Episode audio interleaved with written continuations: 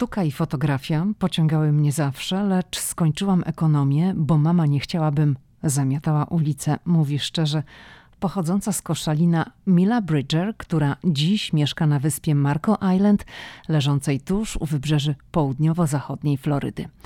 Z ekonomią nie było jednak Mili po drodze i dziś żyje z robienia zdjęć na Florydzie. Zapraszam na 159 odcinek podcastu, w którym Porozmawiamy o tym, jak Mila znalazła się w Stanach, jak zaczęła szukać pierwszych zleceń. Przełom nastąpił w mieście bogaczy Naples przy okazji jednego z najsłynniejszych w USA festiwali win. Porozmawiamy o zleceniach, o współpracach z galeriami, o stawkach oraz trochę o życiu na Marco Island. Między innymi o tym, jak owoce awokado w czasie huraganu potrafią przeistoczyć się w pociski.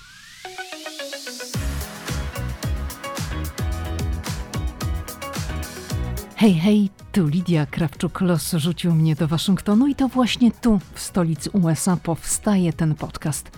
Opowiadam w nim o Ameryce, o podróżowaniu po Stanach, a z moimi gośćmi rozmawiam o życiu w USA. Ameryka mnie fascynuje.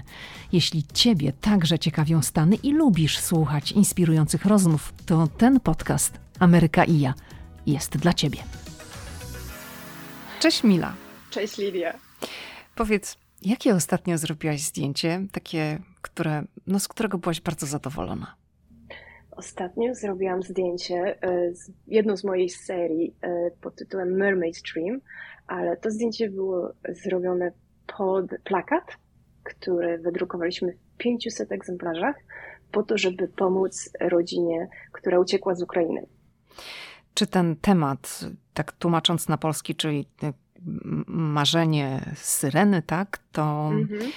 to on był jakiś celowy, czy skąd w ogóle się wziął taki temat z syreną, z marzeniem syreny i o czym ta syrena marzy?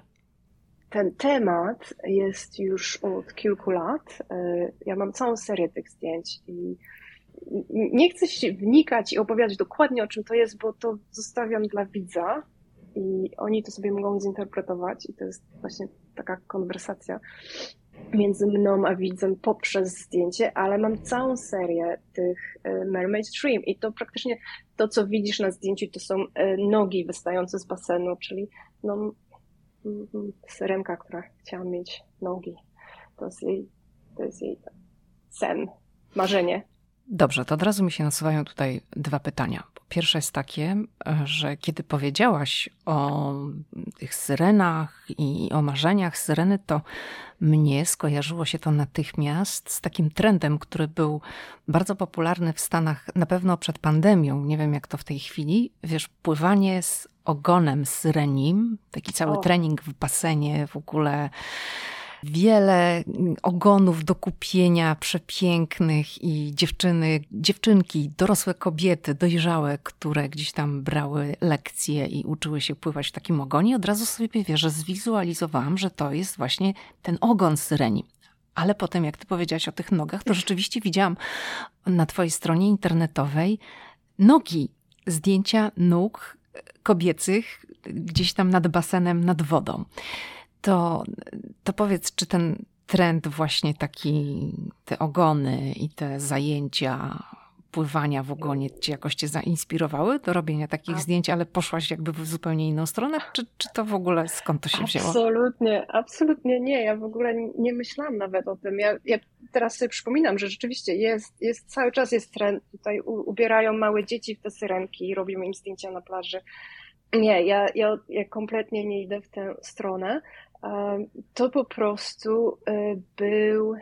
Ja bardzo dużo robiłam zdjęć w wodzie, w basenie. No bo mieszkasz na Florydzie. Tak. No i mam basen. E, I ja lubię w ogóle, lubię wodę. E, no i, i nie wiem jak to się stało, po prostu się stało. To, to był pewnie, to nie był zamysł, to nie był zamysł, to, był, to były zdjęcia, próby, y, zabawy i z tego coś wyszło. E, to pierwsze zdjęcie, gdzie nogi są biało-czerwone, zostało podchwycone przez e, Camera, Camera USA. E, to jest wystawa coroczna. Tam zostało przedstawione, po czym zostało przechwycone przez galerię i w tym momencie musiałam zrobić więcej, bo było popularne. Czyli się I tak sprzedało. Tak się sprzedało się, jest sprzedane. E, mhm. Nie mam go w domu. Jest tylko wisi, e, wisi na stronie internetowej, a też wisi gdzieś u kogoś w domu. I no, od tej pory robię. I robię, i robię, i robię. Mamy całą serię ich. Dobrze, to o zarabianiu na fotografii to jeszcze sobie będziemy rozmawiać troszeczkę później. Jeszcze chciałam wrócić do tego wątku, o którym wspomniałaś na początku, że wydrukowaliście plakat w ilości 500 egzemplarzy, żeby wspomóc osobę z Ukrainy. Jak to się udało? Udało się sprzedać wszystkie plakaty, udało się uzbierać określoną sumę. Mamy dwa plakaty dwa różne plakaty, zupełnie inne od siebie, różne. Oba są e, w formacie 500 egzemplarzy. E, sprzedają się cały czas i my zbieramy pieniądze po to, żeby zapłacić za mieszkanie dla rodziny, która uciekła z Ukrainy i teraz znajduje się w Irlandii. Jest to rodzina czteroosobowa, dwójka dzieci, bez pracy, cały czas szukają pracy, więc stwierdziliśmy, że po prostu zbierzemy pieniądze i będziemy bezpośrednio płacić e, do pana, który wynajmuje to mieszkanie. A poznaliśmy się będąc w Irlandii e, i myślę, że to po prostu miało tak być. E, my jechaliśmy do Dalki po prostu wypić piwo i zobaczyć krajobraz, a ta rodzina jechała szukać miejsca do mieszkania i bardzo mnie to no, uderzyło. Mówisz my, to znaczy ty i twój mąż? I mój mąż, mhm. tak. Dobrze. To Mila, ty pochodzisz z Koszalina. Zatem tak. jak dziewczyna z Koszalina znalazła się w Stanach? Ja w ogóle muszę się cofnąć bardzo daleko. Jak byłam małym dzieckiem, mojej mamy znajomy przyniósł katalog i to był katalog z Walt Disney World i tam był ten Magic Kingdom i ten, ten zamek. Były zdjęcia, mówimy lata 80. E, I mi to jakoś, we mnie się to e, pojawiła chęć, e, że ja muszę koniecznie to kiedyś zobaczyć na własne oczy. A także e, miałam obsesję na punkcie ciepła i palm, więc to, to musiało się gdzieś tam wszystko pojawić, bo nie lubię zimna, muszę być w cieple. Musiałam zobaczyć ten Magic Kingdom. No i na uczelni naszej w Poznaniu pojawiła się ekipa właśnie z Orlando, którzy zapraszali studentów na tak zwany college program. To był e, wakacyjny college program dla Disney Worldu w Orlando. Mhm. Ja wtedy studiowałam na Akademii Ekonomicznej. E, Czy nie była to Myślałam, artystyczna uczelnia? Nie, nie. nie, moja mama stwierdziła, bo moja mama jest historykiem sztuki i była naczelnym na Wydziale e, Sztuki Współczesnej w Muzeum w Koszalinie, e, zawsze mówiła, że bycie artystą, ja, ja po prostu będę ulicy zamiatać. Więc muszę sobie znaleźć dobry zawód. A ja mówię, nie, ja chcę robić to, co lubię. No i robię to po drugiej stronie kałuży. Ale e, więc pojechałam, pierwszy raz pojawiłam się w Stanach, w Orlando. Nie na... słyszałam nigdy, żeby ktoś mówił po drugiej stronie kałuży o oceanie. Ciekawe. No. Dobrze, mhm. pojechałaś, tak? Pojechałam, no i to było takie może z 5-4 miesiące y, pracy, nauki, zabawy. To były te work and travel, J1 visa i po prostu cały dzień mieszkasz u Disneya. Pracujesz, uczysz się, oni mają nawet Disney University. I to było niesamowite Myślałam, że powiesz, że już ci się robiło słabo na widok nóżki Miki. robiło mi się słabo. Mi się robi słabo teraz. Nikt mnie nie zaciągnie do Disneylandu. Przepraszam, nie mogę już tam pójść po tym... Po ty... Mamy w ogóle moja przyjaciółka, którą poznałam wtedy, Dominika. Poznałyśmy się właśnie w Disney Worldzie i do tej pory jesteśmy y, zaprzyjaźnione. Mhm. E, cały czas sobie opowiadamy, przypominamy historię. To było jeszcze przed y, wiesz, smartfonami, nie można było nic nagrać, zrobić zdjęcia telefonem. I tyle niesamowitych rzeczy się dzieje, działo poza kurtyną. W Disney Worldzie nazywałyśmy to taką małą sektą, co tam się dzieje. Że są y, korytarze, które prowadzą do parków, o których nikt nie wie, tylko e, pracownicy. że no nie mogę zdradzać, bo to jest, e, znaczy podpisaliśmy e, kontrakt na dwa lata, że nie, nie będziemy opowiadać, co tam się dzieje, mhm. ale... To już było dawno. Nie chcę, nie chcę, nie chcę, żeby ktoś sobie tutaj popsuł marzenia. Okej. Okay. Dobrze, no to powiedz, y, przyjechałaś, żeby popracować w Disney World i no i co się stało dalej? No, nasz kontrakt się skończył, musiałam wracać na akademię, ale w międzyczasie mieliśmy troszeczkę dłużej, mogliśmy zostać. No, niestety się pojawił 11 e, września i trochę utknęliśmy w Stanach, e, no i niestety trzeba było wracać, bo nie było, wszyscy byli wysyłani do domu przecież. No i to był właśnie koniec września, gdy wróciłam do domu i to był tak zwany szok kulturowy, bo pogoda inna, ludzie mniej uśmiechnięci i strasznie to przeżywałam. Więc w grudniu stwierdziłam, że no muszę zrobić praktykę dla szkoły. Zaczęłam Mówisz o tej swojej moje... uczelni w, Poz w Poznaniu, tak? Tak, mhm. tak, tak. Praktykę i pisaliśmy już pracę magisterską, więc stwierdziłam, że ja to wszystko zrobię gdzieś pod, w jakimś ciepłym miejscu, a skoro już Florydę trochę poznałam, zaczęłam wysyłać moje papiery do różnych miejsc, które by brały studentów. No i się odezwał e, Marriott tutaj z Mark Island.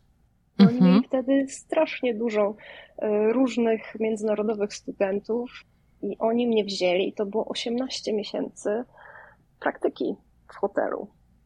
Co robiłaś? Wszystko. Wszystko. Wszystko. To było po prostu miesiąc tu, miesiąc tu, miesiąc tam. E, najbardziej podobało mi się na front desk, czyli recepcja. E, I tam najdłużej zostałam już do końca. Ale trzeba było przejść przez wszystkie ale hotelu, żeby się zapoznać z jak właśnie działa hotel. A to była taka e, praktyka, która miała związek z Twoimi studiami ekonomicznymi? Tak, Musiałaś odbyć. Bo ja studiowałam mhm. politykę i ekonomikę turystyki Aha. na Akademii Ekonomicznej. I gdy pojawiłam się właśnie na Marco Island w Mariocie, byłam w trakcie pisania pracy y, magisterskiej, gdzie porównywałam dwie małe miejscowości turystyczne. Wzięłam moje Mielno pod Koszalinem. Mhm i właśnie Marco Island i próbowałam znaleźć podobne rzeczy i różnice.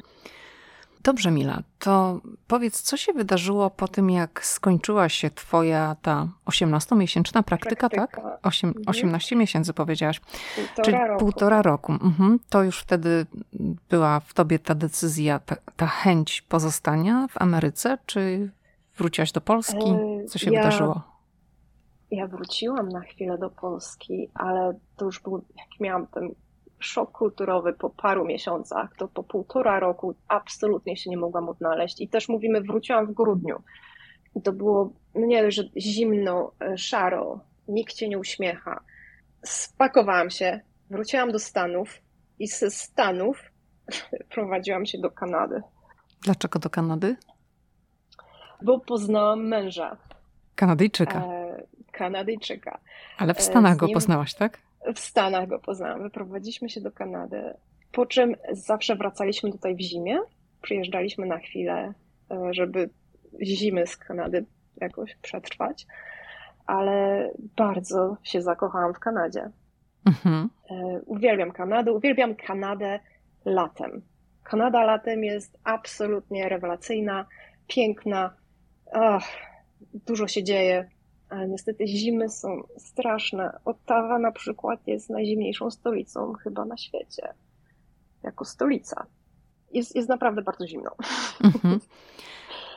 Mila, powiedz, co się stało, że w Twoim życiu pojawiła się fotografia? No bo wiemy, że skończyłaś Akademię Ekonomiczną w Poznaniu. Mhm.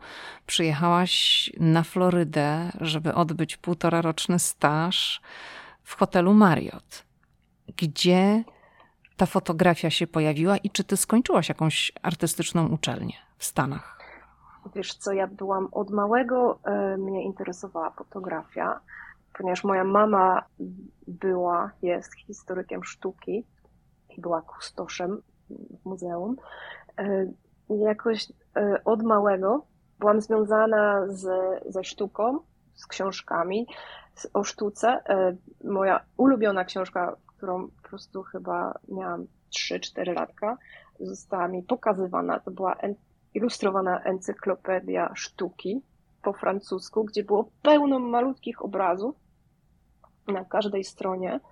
I to było moje ulubione, to było moje ulubione zajęcie. Po prostu oglądać to ja przestawałam płakać, ja już nie grymasiłam. Jak zobaczyłam moją infantkę Margaritę Velasqueza, to już w ogóle był odjazd. No i, no i takie zboczenie już od małego.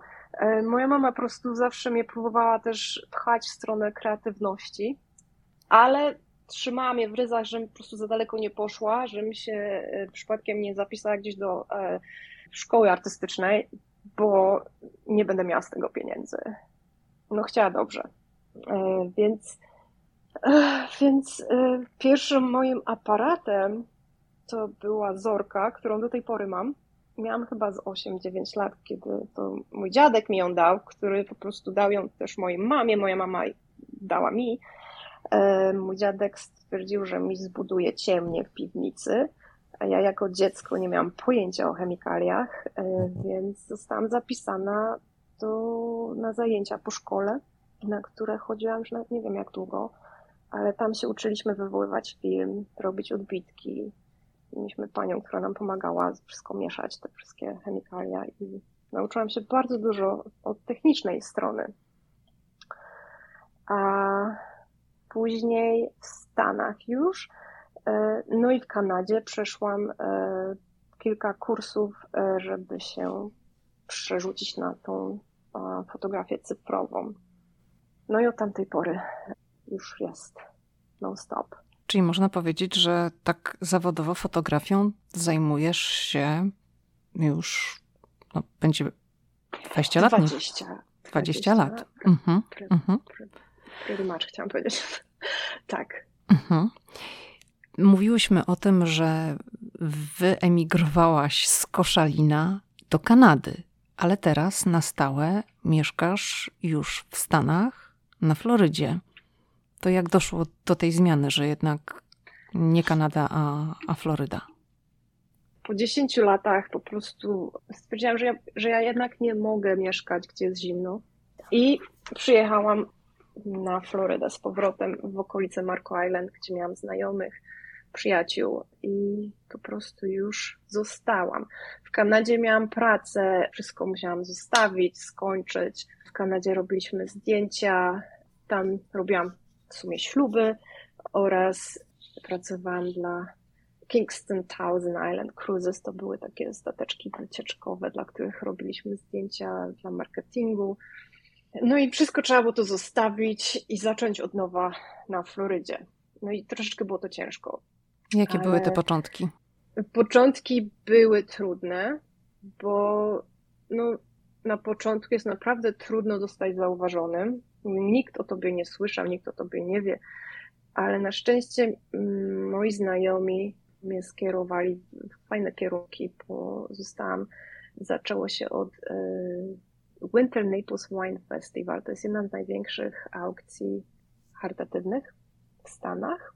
Aukcja wina, która zbiera pieniądze dla dzieci tutaj w hrabstwie Collier. I ja tam e, po prostu dam mój serwis za darmo przez pierwszy rok, żeby zostać zauważonym. No i pomału, pomału e, też kolaboracje, różne współprace, ale to trzeba robić mądrze i, i znaleźć ludzi, którzy docenią Twój styl. I pomalutku, pomalutku to, to się rozwinęło. A co robiłaś za darmo? Robiłaś zdjęcia za darmo, bo powiedziałaś, że dałaś swój serwis za darmo. To co Serwis, no tak. Mhm. Zdjęcia, więc y, Naples Winter Wine Festival y, to jest y, jedna z największych aukcji charytatywnych, która zbiera pieniądze dla dzieci. Zbiera, trwa przez 3-4 dni. Leje się tam ogromna ilość wina i dobre jedzenie, bo mamy kucharzy z całego świata przyjeżdżają. Więc to były cztery dni robienia zdjęć i, i dokumentowania właśnie tego wydarzenia. No powiedziałabym, że tam pewnie też się przerzucają olbrzymie pieniądze, bo Naples to jest bardzo, jedno z takich bardzo. najbogatszych miast w Stanach. Na, Ogromne pieniądze. To jest taka kolebka, można powiedzieć, wiesz, bardzo zamożnych ludzi. Naples jest przepiękny, ale to jest takie miasto na emeryturę, prawda? No tam żyją ludzie tak na, i na jesieni życia. I domy są tam takie, że po prostu wbija w podłoże, prawda? Tak, ten Port Royal jest naprawdę olbrzymi i piękny. Mhm. Mm, mamy emerytów, ale teraz się to wszystko zmienia. E, demografia się zmienia. Wciąż jest to stan dla emerytów. Zamożnych. Ale zamożnych? Znaczy stan, stan no. Floryda jest stanem dla emerytów, tak się tak. mówi, ale Naples to jest takie miasto, wiesz, mówi się, że miasto bogaczy w ogóle.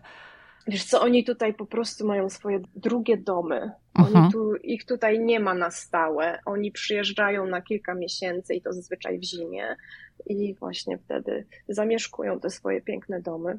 My też tutaj na, na Marco Island mamy całą dzielnicę, gdzie jest Xambas, no, to wyżej wzniesione powierzchnia wyspy, gdzie są najpiękniejsze domy. No, można tak powiedzieć, tak, e. może wytłumaczmy naszym słuchaczom, którzy nie orientują się w położeniu geografii Florydy może tak bardzo dokładnie, że Naples od Marco Island to nie jest daleko, to jest kilkadziesiąt 15 minut. minut. Nawet 15, tak? No jak do samego początku, do tego wschodniego mhm. Naples, do samego centrum, do starego Naples e, zajmie nam 25 minut. No właśnie, to, to jest bardzo niedaleko.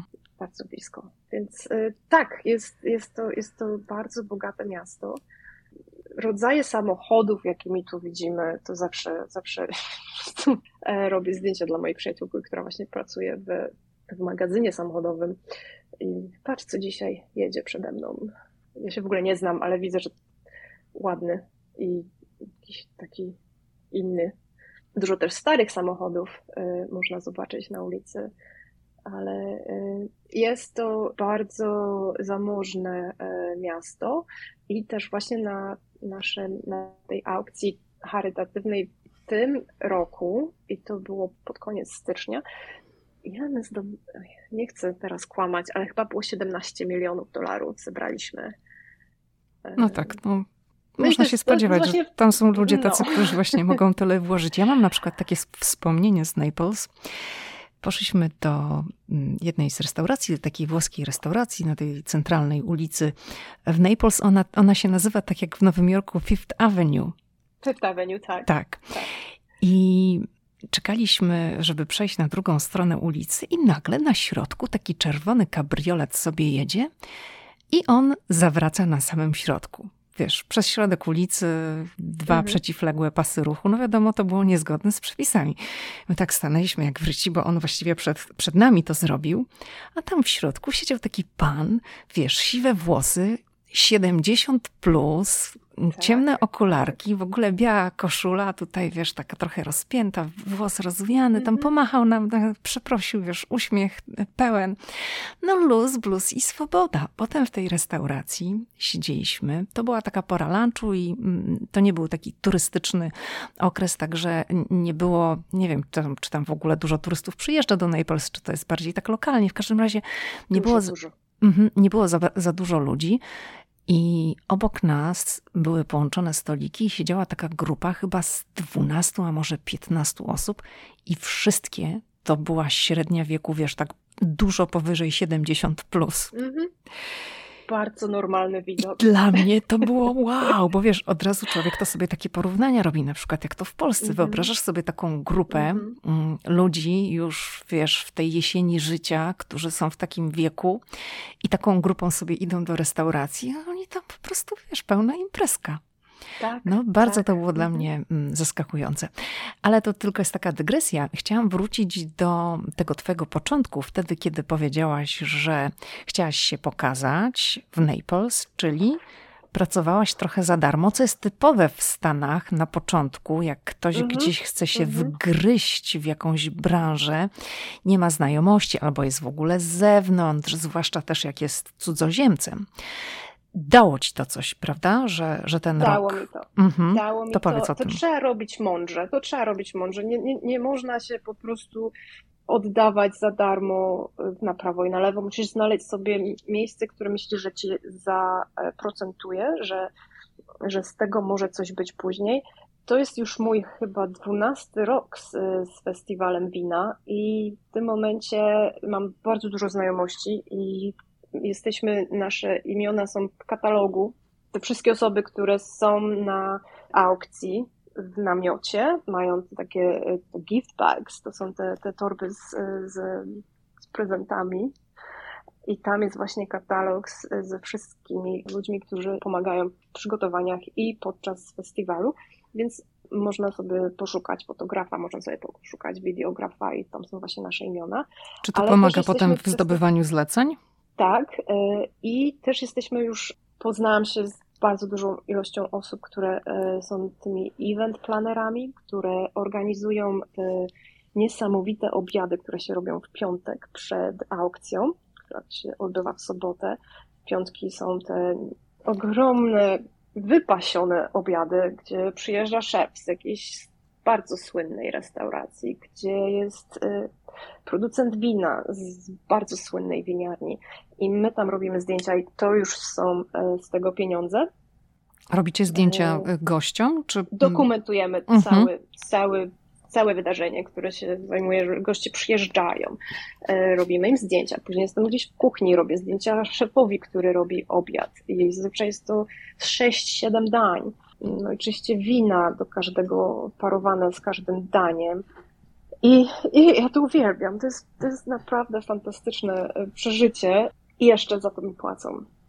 Kiedy nastąpił ten przełom? Kiedy nastąpił ten moment, że zaczęłaś na fotografii zarabiać? Wiesz co, ja zarabiałam, zaczęłam zarabiać od samego początku, tylko to były małe pieniądze. Po prostu wystarczało mi na minimum zapłacenie czynszu i opłat. No i poznawanie więcej i więcej ludzi, którzy właśnie cię doceniają. Kolaborowaliśmy jeszcze kilka razy. E, ja zrobiłam w tym momencie reenacting. E, w moim stylu zrobiliśmy Last Supper Leonardo da Vinci, gdzie zaprosiłam bardzo dużo y, znanych artystów tutaj lokalnie i zrobiliśmy właśnie zdjęcie, które przekazaliśmy na licytację. Pieniądze szły dla jakichś dzieci też. I wtedy to też był jeden z dużych przełomów, bo trzy lata później to tej samej licytacji, na którą zrobiliśmy w tym czasie zdjęcie pod tytułem to jest Niedziela w Parku, Sera, gdzie potrzebowałam chyba z 17 osób, na zaproszenie odpowiedział basista z ACDC i jego żona. Więc y, to są po prostu małe kroczki i znajomości, które naprawdę pomagają i trzeba po prostu się nie bać, że będzie jakaś klęska. A Mila, bo ty często, jak tutaj odpowiadasz na pytania, używasz liczby mnogiej my. Czy ty z kimś działasz? Wiesz co, to się już tak e, nauczyłam, że oui, bo to nigdy nie jesteś sam, jak to robisz. Mhm. E, zawsze masz osoby gdzieś tam w trakcie, które ci pomogą zbudować e, dekoracje, e, albo przyjdą i będą modelem. Więc zawsze to jest, zawsze to jest taki teamwork, że zawsze jest to wszystko w grupie i to naprawdę e, praca w grupie, nawet, że ja przychodzę, ja mam ideę, ja mam ten pomysł na zdjęcie, ale potrzebuję 17 osób, ktoś kogoś zna, ktoś kogoś zaprosi i to jest piękne, bo się pojawiają nowe znajomości, ale też właśnie y, wszyscy razem sobie kreujemy to, to zdjęcie. Opowiedz nam trochę więcej o branży fotograficznej w Stanach Zjednoczonych. No to, że z tego można wyżyć, no to wiadomo, no bo, bo ludzie żyją z, z fotografii, ale czy to jest łatwa branża? Czy łatwo się w to wgryźć i czy łatwo mm, wejść na taką ścieżkę, że można się z tego utrzymać? Wiesz co, to jest e, tak samo jak z każdym innym biznesem, który masz jako własny biznes, że nie jesteś zatrudniony u nikogo, musisz sama, sama siebie zatrudniasz. Sama musisz pomyśleć o tym, co ja będę robić jutro, co ja będę robić pojutrze. Nie masz tej takiej. E... Sama musisz sobie dyscyplinę wprowadzić, tak? Dyscyplinę, ale twoja, twoja przyszłość nie jest pewna więc musisz na nią bardzo ciężko pracować i wiedzieć, co będziesz robić e, jutro, pojutrze, e, mieć plan, bycie zatrudnionym gdzieś w jakiejś firmie i ta praca od dziewiątej do piątej, masz tą taką, wiesz, taki komfort tego, że wiesz, że ja jutro też pójdę do pracy, ale prowadzenie własnego biznesu jest właśnie trudne, powiem, bo naprawdę musisz myśleć codziennie, gdzie ja e, znajdę pracę jutro, pojutrze, za miesiąc. To nie jest pewne. Twoja przyszłość nie jest pewna, ale mm, z tego względu musisz naprawdę ciężko pracować, musisz wychodzić i kontaktować się z ludźmi. Po prostu nie chcę, żeby cię być zapomniany. Czy powiedziałabyś o sobie, że ty jesteś fotografem przedsiębiorcą? Czyli wiesz, taką no, fotografką bizneswoman? E, wiesz co, ja jestem chyba bardziej artysta, fotograf. Mhm. E, ja wolę robić e, moje zdjęcia niż pod zlecenie, no ale trzeba robić zdjęcie pod zlecenie, bo to wtedy sponsoruje moje zdjęcia, które ja sobie wymyślam i robię, ale też e, te zdjęcia, które ja produkuję tylko i wyłącznie dla siebie, jak ten Mermaid Stream, są podchwytywane przez galerię i są też sprzedawane, więc to jest biznes, ale ja na to nie patrzę jako taki biznes, um, albo to jest bardzo kreatywny biznes. Mhm. Ja na to bardziej, ja się wyżywam, ja, ja, ja robię to, co ja lubię i mi to bardzo dużo sprawia, bardzo dużo e, frajdy i satysfakcji. Po prostu produkowanie tego, co ja mam w głowie i przenoszenie tego na papier. Mm, ale jeżeli się to jeszcze sprzeda, to jest, to jest w ogóle fantastycznie. Amila, powiedziałaś coś takiego, że zdjęcia są przechwytywane przez galerię. W jaki sposób to następuje? Czy ty masz jakiś tam swój networking, dajesz im znać, że coś zrobiłaś? No, no jak te galerie docierają do ciebie, żeby potem zdjęcia zostały wystawione na sprzedaż? Więc e, pierwszy raz, jak zostałam zaproszona przez galerię, to tutaj była galeria, jest cały czas galeria w Naples, HW, która zobaczyła moje zdjęcie na wystawie, grupowej wystawie właśnie e, mm, Camera USA i po prostu stwierdzili, że oni chcą to zdjęcie wziąć i zawiesić u siebie w galerii. E, no i wtedy podpisujesz kontrakt, że dostaniesz procent ze sprzedaży, że oni cię w tej chwili e, reprezentują. I to jest bardzo dobra rzecz, jeżeli masz galerię, która cię reprezentuje, bo oni mają o wiele większą e, siłę networku, o wiele więcej klientów i znajomych, więc wysyłają maile. Twoje zdjęcie dociera do większej ilości odbiorców i w tym momencie masz większą szansę na sprzedaż. No, ja miałam takie szczęście, że ja zostałam podchwycona właśnie przez tą galerię, a dwa dni temu zostałam zaproszona przez kolejną galerię, ale też jest tak, że wysyłasz bardzo dużo e-maili, kontaktujesz te galerie, które uważasz, że mogłyby być e, dobrym kontaktem, że Twoje prace mogłyby być reprezentowane przez tą galerię. Jest to dużo, dużo pracy. Czy jesteś gotowa, żeby porozmawiać trochę o pieniądzach?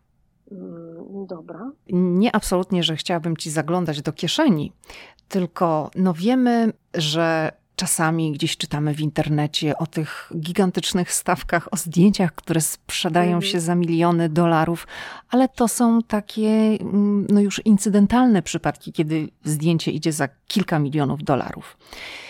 Jaka to jest dobra stawka? Inaczej.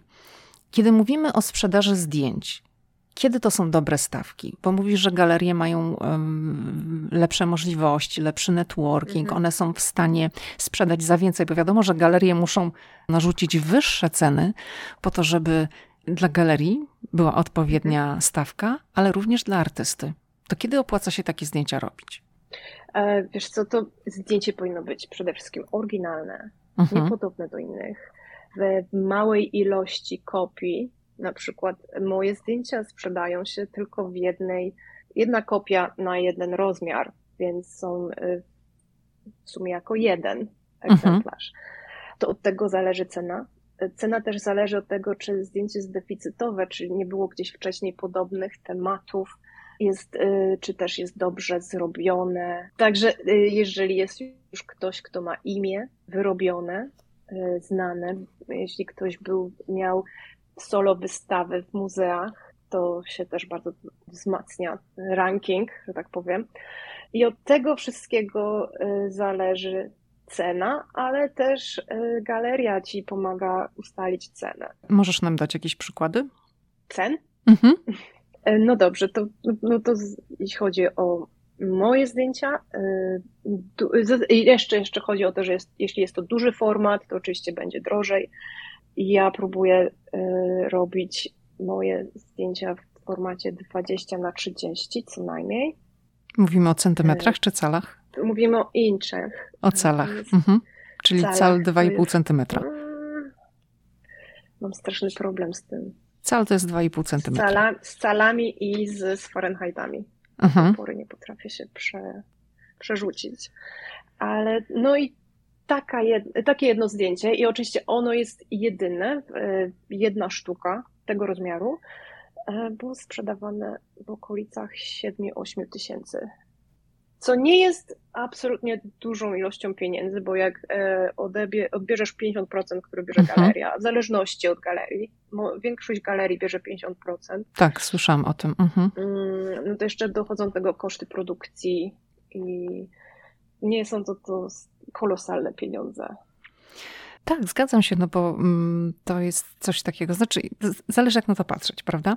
Mm, bo zakładam, że to nie jest tak łatwo sprzedać zdjęcie za taką sumę, no bo jeżeli możesz sprzedać ich 10-15 w ciągu miesiąca, to by było super, ale no, nawet to, to nie jesteś w stanie y, chyba, wiesz, takich artystycznych zdjęć w takiej ilości zrobić w jednym miesiącu. Bo to jest też proces twórczy, to tak? Wymyślenie. Tak, mhm. Tak, to jest, to jest proces twórczy, to jest kreatywność, to jest, no, żeby się nie wypalić. No, nie wiem, czy ja bym potrafiła zrobić 15 w ciągu miesiąca i to jeszcze, no to trzeba jeszcze później posiedzieć przed komputerem i to pięknie, ładnie wyczyścić. No właśnie, o tym mówię, zamówić, bo to musiałabyś co drugi dzień jest, zrobić takie artystyczne zdjęcie. Praca. No.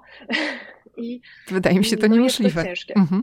No jest trudno, jest trudno, ale wiesz co, no, no jeżeli mam coś w zapleczu, już kilka takich zrobionych i w tym momencie możemy się pochwalić.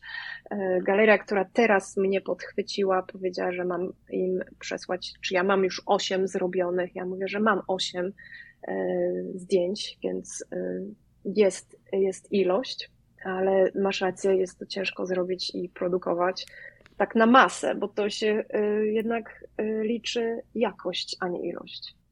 Czy galerie mm, sugerują jakieś tematy, czy raczej wolą, żeby to wychodziło od artystów? Bo są jakieś trendy, prawda? Że na przykład wiedzą, że a ludzie lubią sobie w domach powiesić coś takiego konkretnego. To może Mila byś nam zrobiła zdjęcia w tym temacie. Jak to wygląda, powiedz? Bo to wszędzie jest, są trendy wszędzie, tak? I wszędzie jest ten marketing są. i patrzenie na to, co się sprzeda, tak? Bo jeżeli na przykład byłby trend, tutaj strzelam kompletnie, że ludzie lubią truskawki. Mieć, mhm. wiesz, fotografię truskawek, no to robisz truskawki, tak? Czy w ogóle się tym nie kierujesz? E, wiesz co, nie mogę skakać tak z, z kompletnie zacząć robić coś innego, bo to po prostu chyba nie byłabym ja i byłoby zupełnie coś nowego, mogłoby coś z tego wyjść, ale na przykład y, galeria patrzy na zdjęcia, które ja zrobiłam dotychczasowo i mogą zasugerować na przykład weź pójdź w taki inny trochę kolor na przykład, albo nie rób tego, bo to za bardzo polityczne bo, bo już tak zrobiłam mhm. I, i zdjęcie się nie przyjęło. Więc y, mają takie, takie ogólne zasady, ale nie powiedzą ci, co masz robić. E, chociaż y, druga galeria podpowiada mi takie troszeczkę bardziej szczegółowe do tych Mermaid Dreams, like, a może zrobisz z takim przedmiotem, a jeszcze dodasz tam coś, więc e, ale nie, że weź mi zrób tutaj właśnie leżące truskawki e, w naczyniu, gdzieś tutaj na trawie, E, to zupełnie odbiega od tego, co ja robię. Ale też e, wcześniej ja bardzo dużo robiłam kreatywnych portretów, takich, gdzie była po prostu przedstawiona osoba, i, i to absolutnie się nie podchwyciło, bo no, kto chce mieć jakąś obcą osobę wiszącą u ciebie na ścianie. Aha. Wiesz, te moje pytania zmierzają do tego, żeby pokazać, że Fotografia artystyczna jest też biznesem i tak jak każdy biznes, no to się rządzi pewnymi prawami i oczekiwaniami klientów, tego co lubią i tego co chcą mieć u siebie na ścianie. No tak jak mówisz, nikt nie chce cudzego portretu, tak? No bo mm -hmm, po co ci mhm. tam czyjaś twarz, tak? To powiedz, jakie są w tej chwili trendy tak ze swojego własnego doświadczenia i na podstawie tego, co, jakie sygnały dostajesz od galerii, co ludzie lubią i co chcą, a może inaczej, co jakby klienci, do których ty docierasz, Amerykanie, lubią i chcą mieć u siebie na ścianie? Ja się spotkałam z tym, że bardzo dużo krajobrazów się sprzedaje. E, ludzie, którzy tutaj przyjeżdżają, wyjeżdżają, e, mamy tutaj dużo różnych tak zwanych e, art fest, gdzie jest bardzo dużo artystów się pokazuje i ma swoje prace na, do sprzedania. I bardzo dużo ludzi kupuje właśnie krajobrazy i są to albo tutaj nasza zatoka, albo są tu y, zwierzęta, albo Everglades parki. I to, I to widzę, że to się zawsze sprzedaje, bo to jest taki bardzo bezpieczny, bezpieczny obraz, który można powiesić wszędzie, a także ci przypomina o, o fajnej miejscowości, w której byłeś. E, więc to, są, to, to się zawsze sprzedaje. Mam znajomego, który robi krajobrazy i piękne robi i nie ma z tym problemu. No jestem bardziej, ja trochę idę w inną stronę, więc y, mój temat jest trochę trudniejszy, ale też się sprzedaje. To musisz po prostu znaleźć ludzi, którzy poszukują tego albo tego i e, Niektórzy po prostu lubią mieć czarno-białe zdjęcia w domu. Niektórzy lubią mieć bardzo kolorowe zdjęcia w domu. Ja myślę, że dla każdego coś y, można znaleźć. Czy ty musiałaś nauczyć się marketingu, sprzedaży, tak. networkingu? Uczyłaś się tego w tak. Stanach. Mhm. Jak się I uczyłaś to... tego? E, na żywym organizmie? Kilka, na żywym organizmie, e, ze znajomymi, ze znajomymi artystami, którzy pomagają ci w jedną i drugą stronę. Czasami to w ogóle nie działa. Ten szeptany marketing jest bardzo dobrą formą marketingu, więc były różne próby błędów i uczenia się. I ja myślę, że ja cały czas nie, nie, nie jestem do końca nauczona marketingu. Ja nienawidzę wysyłać e-maili. Po prostu ja, ja, mam, ja mam zator, ja, ja muszę wysłać maile do klientów. Taki zrobić ten, ten mail blast, to mnie zżera od środka. Ale robisz to. Jedna z, lep, jedna z lepszych form przypominania o sobie właśnie. No. Mhm. Raz do roku to robię. A to znaczy robisz to w odniesieniu do klientów, którzy kupili od ciebie jakieś zdjęcie, tak? I chcesz, żeby kupili kolejne, tak? Y, to są ludzie, którzy weszli na moją stronę i zapisali się do newslettera. Ja mam całą taką database tych wszystkich e-maili, też ludzi, którzy ze mną współpracowali, y, moi klienci. Więc y, raz na rok przypominam im o sobie i prawdopodobnie życzę im wesołych świąt. To tak jakoś w tych okolicach ja to wysyłam. Czyli to jest ta część taka artystyczna swojej działalności, może artystyczno-biznesowej, której za bardzo to nie lubisz. Ta, tak, to nie jest, to jest zupełnie nieartystyczna e, część. To jest, no ale no niestety to jest część twojej pracy i prowadzenia biznesu. To są, to są te wszystkie maile do klientów, to są też, e, trzeba pamiętać o tym, że tutaj zapłacić trzeba podatki, tutaj trzeba pamiętać, żeby, czy firma cały czas jest aktywna. To są takie różne rzeczy, które mnie naprawdę cały czas tego uczę. A pamiętasz, czy była taka sytuacja, gdzie no, twoje zdjęcie poszło do galerii albo sprzedałaś je osobiście i uznaj, że to był taki wielki sukces, że no, najbardziej ci na przykład ta transakcja zapadła w pamięć? Wiesz co, jest te pierwsze właśnie nogi, które się sprzedały, już nawet nie pytaj za ile, ale zobaczyłam je ostatnio e, w domu, który jest na sprzedaż. Przepiękny dom z, z absolutnie niesamowitymi, przepraszam, dziełami sztuki w każdym pokoju. Niesamowicie z, e, zrobiony dom, piękny, piękny dom w Naples i w sypialni wisi moje zdjęcie. Więc to, to jest dla mnie, ja cały czas się strasznie tym e, cieszę, widząc to. To było jedno z pierwszych zdjęć z tej serii? To było pierwsze zdjęcie z tej serii. Cały czas próbujemy się e, dopatrzeć, kto go kupił, bo to było no, kilka lat temu. Nawet galeria tego nie kojarzy, ale wszyscy nagle stwierdziliśmy, że dostaję cały czas e, wiadomości od znajomych, że widzieli moje zdjęcie na ścianie w tym domu, który się właśnie. Dom jest e, przepiękny.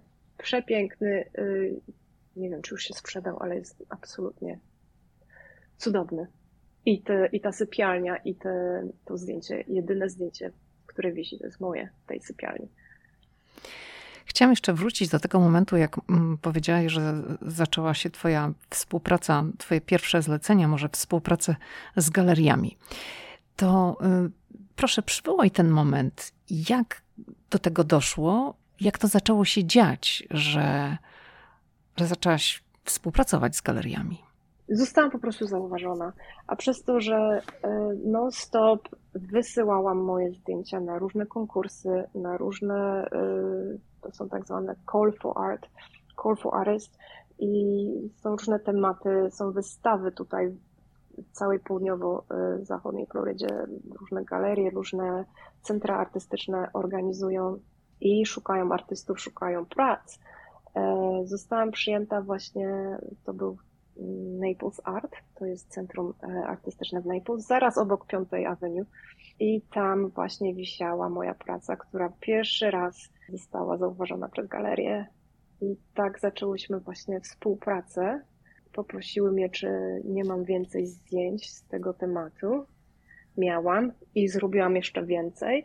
Galeria wtedy y, stwierdziła, że jakoś pół roku później, y, że zrobią własną wystawę u siebie. Rozreklamowały to przez, ze swoimi klientami i znajomościami. Też lokalizacja takiej galerii jest bardzo e, ważna. Ta galeria akurat była na trzeciej Avenue, zaraz niedaleko piątej Avenue, więc e, bardzo dużo ludzi przechodziło, wchodziło i to był bardzo, to był wielki sukces. No ale niestety później się pojawiła pandemia i to wszystko tak jakoś powolutku zastygło, ale cały czas pracujemy ze sobą. A czy ty, Mila, masz coś takiego, że na przykład na początku roku zakładasz sobie plan.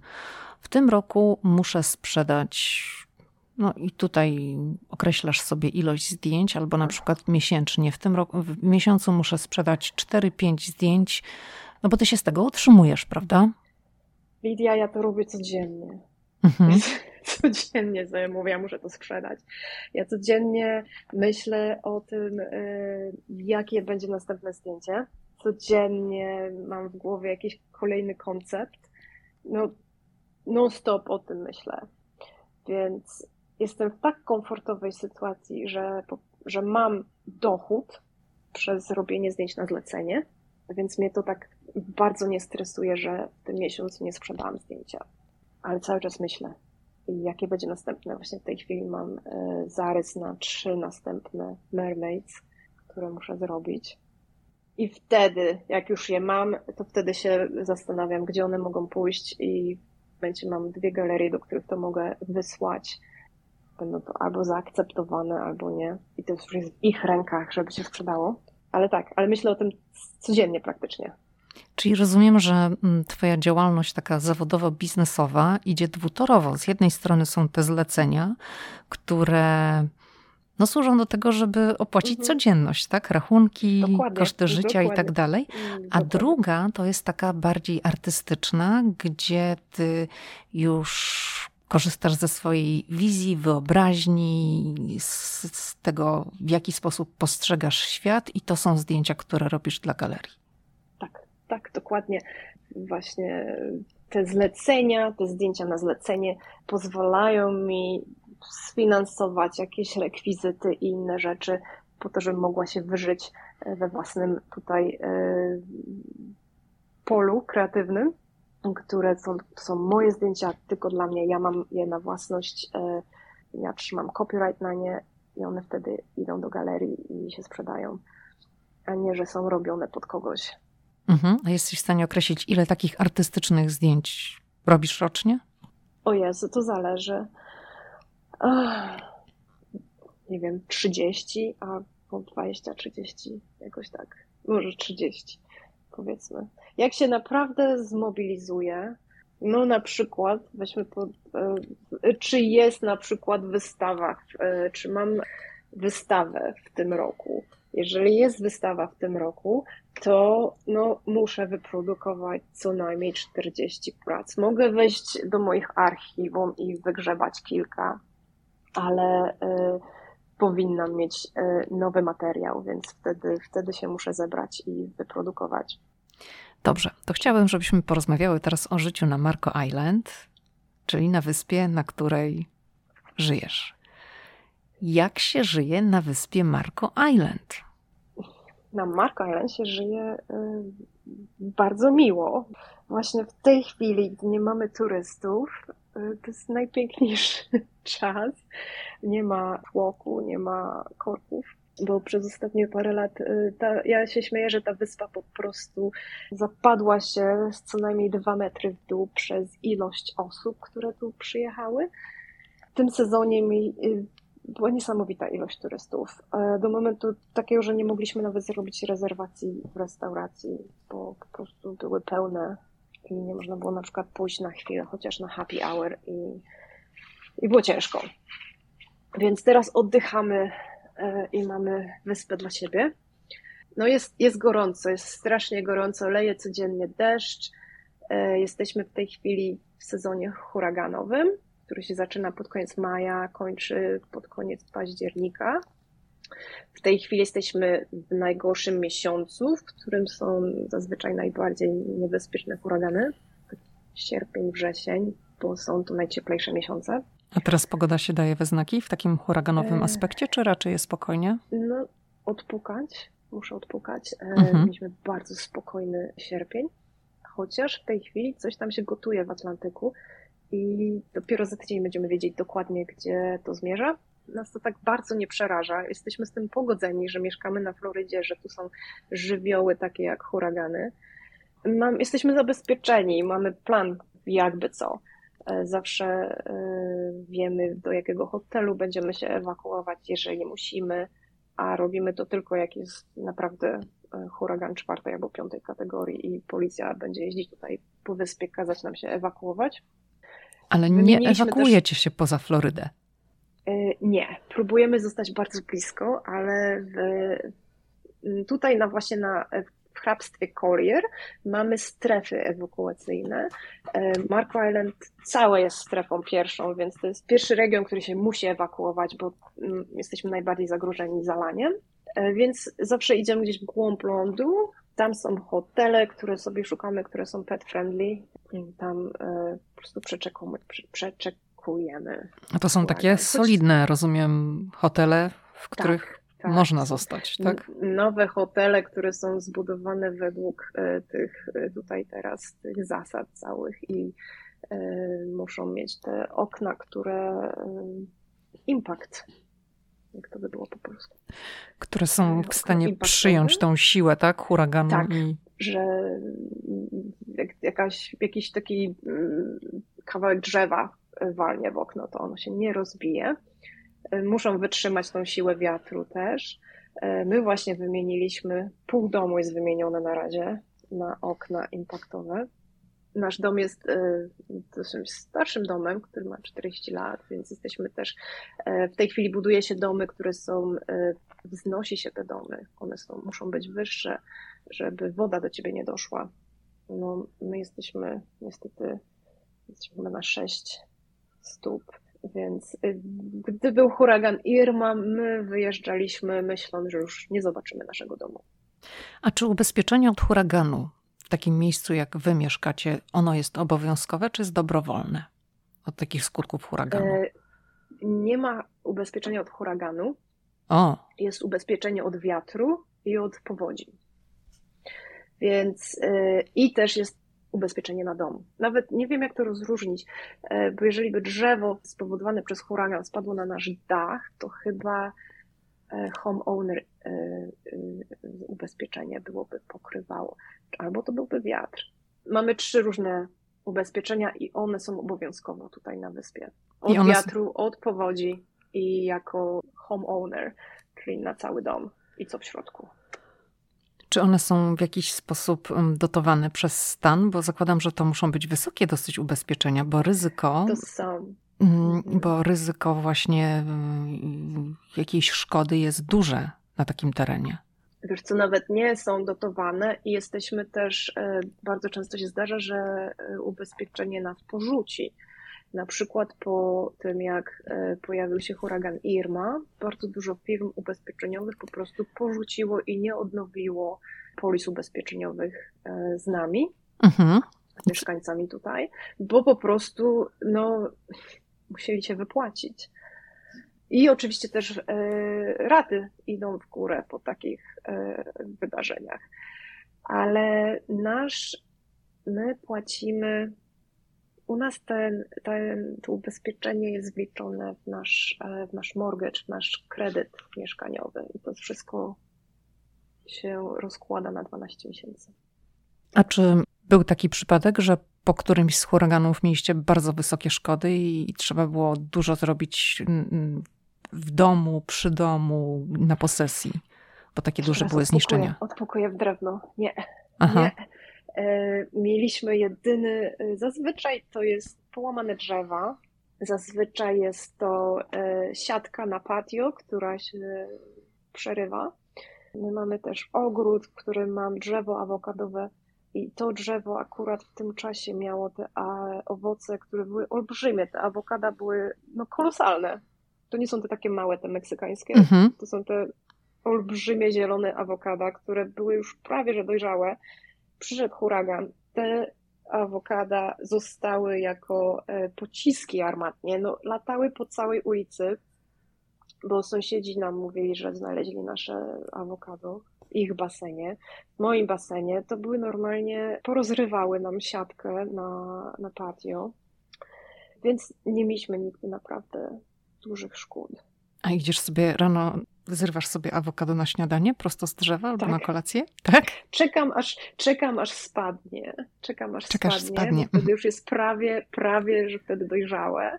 E, przynoszę je do domu i jeżeli już jest mięciutkie, to wtedy jem. Mam też banany, o. które są, mają swój własny rozum. Nigdy nie wiem, kiedy one można je zerwać. One mogą, potrafią być na tym drzewie i mnie, wiesz, tormentować przez trzy miesiące, że nie jesteśmy jeszcze ready, jest, jeszcze nie jesteśmy gotowe. Wtedy jak je zerwiesz i położysz w ciemnym miejscu, to albo w trzy dni się zrobią żółte, albo, albo zerwała się za wcześnie.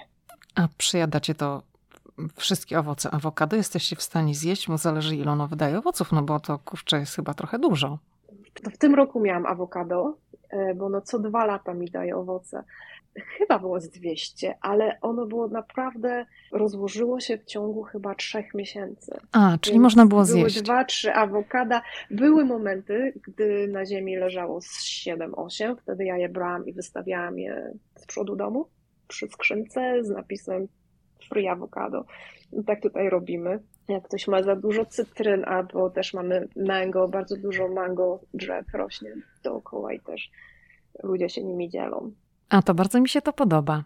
Czyli rozumiem, że też mhm. możesz sobie tam pójść mm, po swojej ulicy, jak ktoś coś wystawi, to tak, sobie, tak. co bierzesz od sąsiadów? E, wiesz co, nie, nie, zdarza się to często, jeżeli mamy, głównie jeśli chodzi o drzewa i owoce, mhm. E, to mango. My się wymieniamy. Ja mam, wszyscy wiedzą, że ja mam to drzewo awokadowe, a tutaj wszędzie dookoła są mango i papaje. A ty nie masz mango ani papai? A ja nie mam ani mango, ani papai więc y, jest wymiana. No podoba mi się, bardzo mi się podoba ta wymiana. To powiedz, jak wygląda taki twój typowy dzień na Florydzie? Oprócz tego, że możesz pójść do swojego ogrodu i sobie, wiesz, wziąć tak, awokado, które... no ale przez pewien okres w roku możesz sobie rano wyjść z kawką, tak. a tu awokado spadło, to sobie wezmę na śniadanko, tutaj sobie zerwę... No jeszcze miód od moich pszczół. No. O, jest taki, bo ty jeszcze pszczoły masz. No to opowiedz. Jeszcze mam pszczoły, więc... I no kilka tak, kotów. pobudka i kilka kotów, które są e, właśnie pobudka. To nie potrzebujemy mieć budzika ani alarmu, bo koty wiedzą najlepiej, kiedy potrzebują być nakarmione i to jest, to jest naprawdę wcześnie rano. Jedno z nas musi wstać, dowleć się do kuchni i nakarmić tą całą bandę. Ile tych kotów jest? Są, to są, jest ich pięć. Wszystkie są e, z. Jeden jest ze śmietnika, a reszta jest ze schronisk każdy z innego. Więc to są takie lekko. No teraz to one są. Y, ja tu tylko mieszkam. Wszystko tu kot rządzi w sumie. ale no, rano trzeba nakarmić. No, oczywiście później jest kawa koniecznie, żeby się obudzić.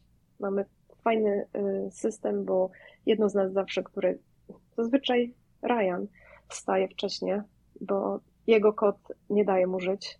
A to ty masz swojego, on, on ma swojego, tak? Jest, jest, jest tu lekki podział, chociaż jak jedno z nas gdzieś wyjeżdża, no to to jest wtedy mój kot.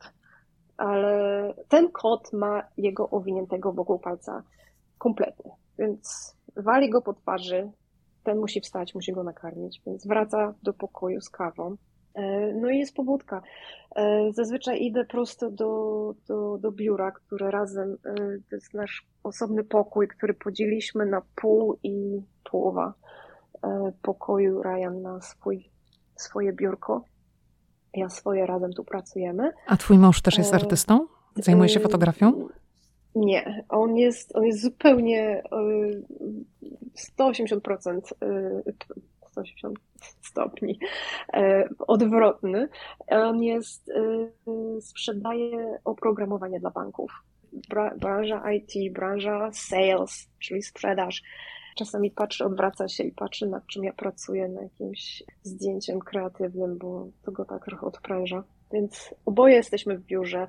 E, ja patrzę, co ja mam, patrzę w kalendarz, e, jaki ja mam tydzień, jaki ja mam dzień. Czasami muszę się zebrać i wyjechać, mam zlecenie gdzieś, albo po prostu zostaję w biurze i pracuję. Nie mam normowanych godzin. Siedzę ile mogę. To jest edycja, wysyłanie, faktury. Z tym czasem po prostu dać radę. No i po południu yy, bardzo lubimy razem gotować. Więc zazwyczaj jak jesteśmy w domu, to razem gotujemy obiad.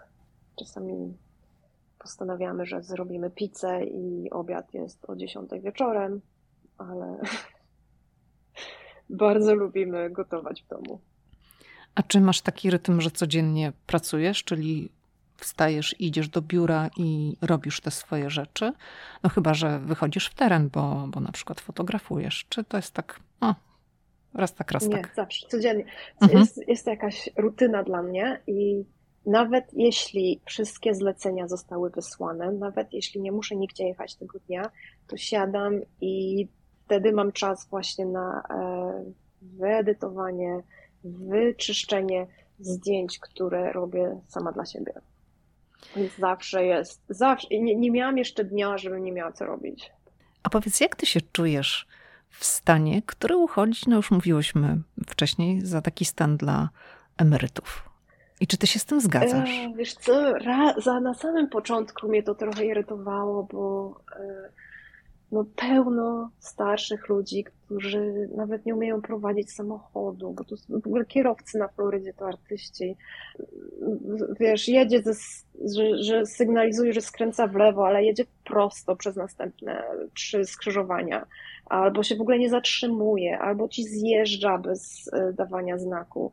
Już się do tego przyzwyczaiłam, ale też widzę, że jest coraz, nie wiem, my się robimy starsi, ale też y, bardzo dużo młodych ludzi tutaj przyjeżdża teraz i się osiedla na stałe.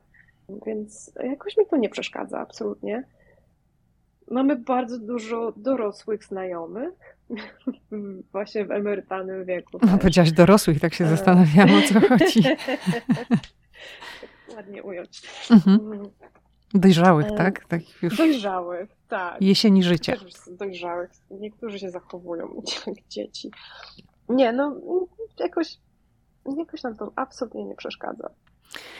Mila, tak na koniec chciałam Cię zapytać o to, czy mogłabyś powiedzieć, co Ameryka Ci dała, a co Ci zabrała? No bo zawsze jest gdzieś, wiesz, jest ten plus i jest jakiś minus imigracji. Mm, wiesz co, powiem Ci od razu, co zabrała. Zabrała mi jedzenie. Ja jakoś nie mogę jakoś to jedzenie amerykańskie mi nie podchodzi. Te przetworzone sery żółte, wszystko jest bardzo, bardzo przetworzone. Bardzo tęsknię za fajnym europejskim jedzeniem, za chlebem. Teraz sama robię, ale no niestety nie jest to najlepszej jakości jedzenie tutaj. szczególnie na Florydzie, gdzie nie mamy dużo y, wpływów, żeby pójść do jakiejś takiej naprawdę europejskiej restauracji tutaj w okolicach. Y, zawsze jak otwiera się jakaś fajna y, knajpka albo piekarnia, to ja pytam się, z jakiej mąki robią, bo to dla mnie jest bardzo ważne. Nazywam siebie glutardet, bo jakoś nie wchodzi mi chleb robiony w Stanach i nawet mój mąż stwierdza, że też go ograbili z jedzenia. On się wychował w Stanach, e, urodził w Stanach i od pierwszego momentu, jak go zabrałam do Europy, to jest zakochany w jedzeniu. Że jedzenie zupełnie inaczej smakuje. Ale tak ogólnie to, to w sumie nic mi nie zabrała, bo ja sama się do tego przyczyniłam. To była moja decyzja, żeby tutaj przyjechać i no, muszę się pogodzić z tym, czego mi brakuje mhm. ale że to się wszystko szybciej, e, do wszystkiego szybciej można dojść, e, można sobie pozwolić. Nie wiem, jak jest teraz w Europie. Nie mogę, nie mogę tego porównywać, ale wiem, że jak wyjeżdżałam, no to jednak. Mówisz o Polsce, tak? Mhm. Mówię o Polsce. A nie byłaś że, w Polsce? No, bywam w Polsce, ale, ale to nie byłam od trzech lat, nie byłam w Polsce. E, byłam przed pandemią. Ale nie wiem dokładnie, nie, nie mieszkam w Polsce i nie wiem, jak, czy jest też taka swoboda konsumpcjonizmu jak tutaj. Naprawdę e, tęsknię za taką polską wiosną, za tym zapachem ziemi, jak się wiosna zaczyna, bo tu na Florydzie e, powietrze nie pachnie. Powietrze nie pachnie, bo no, mamy tą wilgotność do mhm. 90%. Zabija ta wilgotność, po prostu to jest, to jest jedna z najgorszych rzeczy. To jest szmata mokra. Jak wychodzisz z domu, to taką mokrą szmatą dostajesz po twarzy. I, Ale ja ci powiem, że w Waszyngtonie latem jest to samo. Też jest bardzo wysoka wilgotność powietrza. O matko, to jest straszne. Lipiec, sierpień, czerwiec. To jest... I w nocy też? Tak, w nocy Och. to samo. Czyli tu, zabrała ci no. jedzenie. Um, zabrała mi powietrze. Zabrała ci Ale... powietrze ale możemy e, bardzo szybko wsiąść w samolot, pojechać gdzieś na północ i pooddychać. Um, ale powiedz może teraz no, o tym, coś jeszcze ci zabrała oprócz co, co, takich typów rzeczy?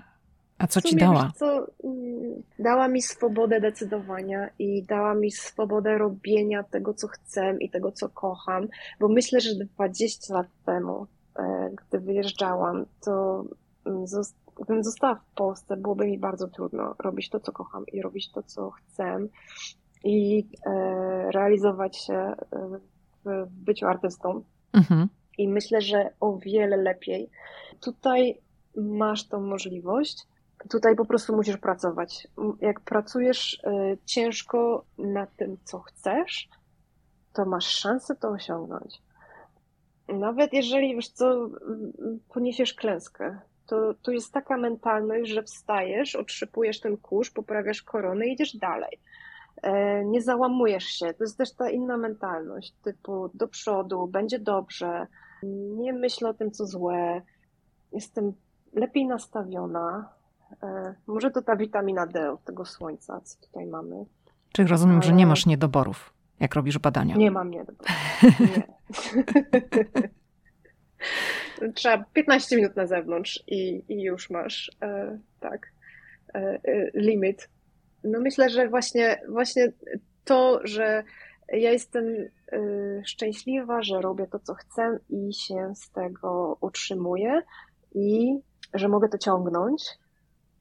I nikt ci nie powie, tutaj nikt nie podcina skrzydeł, tutaj każdy każdego motywuje, każdy komplementuje każdego. Mi się to bardzo podoba, że nawet jeżeli to jest sztuczne, to jest to takie bardzo, y, no to cię tak unosi i pomaga. A miałaś kiedykolwiek taki moment, że czułaś się troszeczkę gorzej, dlatego że jesteś cudzoziemką? Czy nigdy tak nie było? Że na przykład jest ci trudniej wejść mm, na rynek mm, taki artystyczny, żeby się pokazać, żeby się sprzedać, bo nie jesteś stąd? Czy, czy akurat w tej branży, która no zawsze jest taka, powiedziałabym, artystyczna, to jest zdominowana przez ludzi zewsząd, tak? Tak. To nigdy tak. tego nie było. Tutaj, to właśnie na Florydzie tutaj bardzo dużo moich przyjaciół to są artyści z różnych rejonów świata. Mhm. Mamy, mamy mojego kolegę z Ekwadoru, mamy tutaj z Kolumbii, e, mamy Francuzów, mamy. No właśnie jest to taki miks, że myślę, że to nam tylko pomogło, bo Uważam, że właśnie, e, myślę, że, że to było nawet na plusie, bo patrzą na ciebie tak bardzo egzotycznie, e, że jesteś z zupełnie innego kraju, jesteś artystą i masz zupełnie inny kreatywny e, pogląd też. I to się tutaj bardzo przyjmuje. Dziękuję Ci bardzo za rozmowę. Mila Bridger była gościem podcastu Ameryka i ja. Dziękuję Ci, Lilię.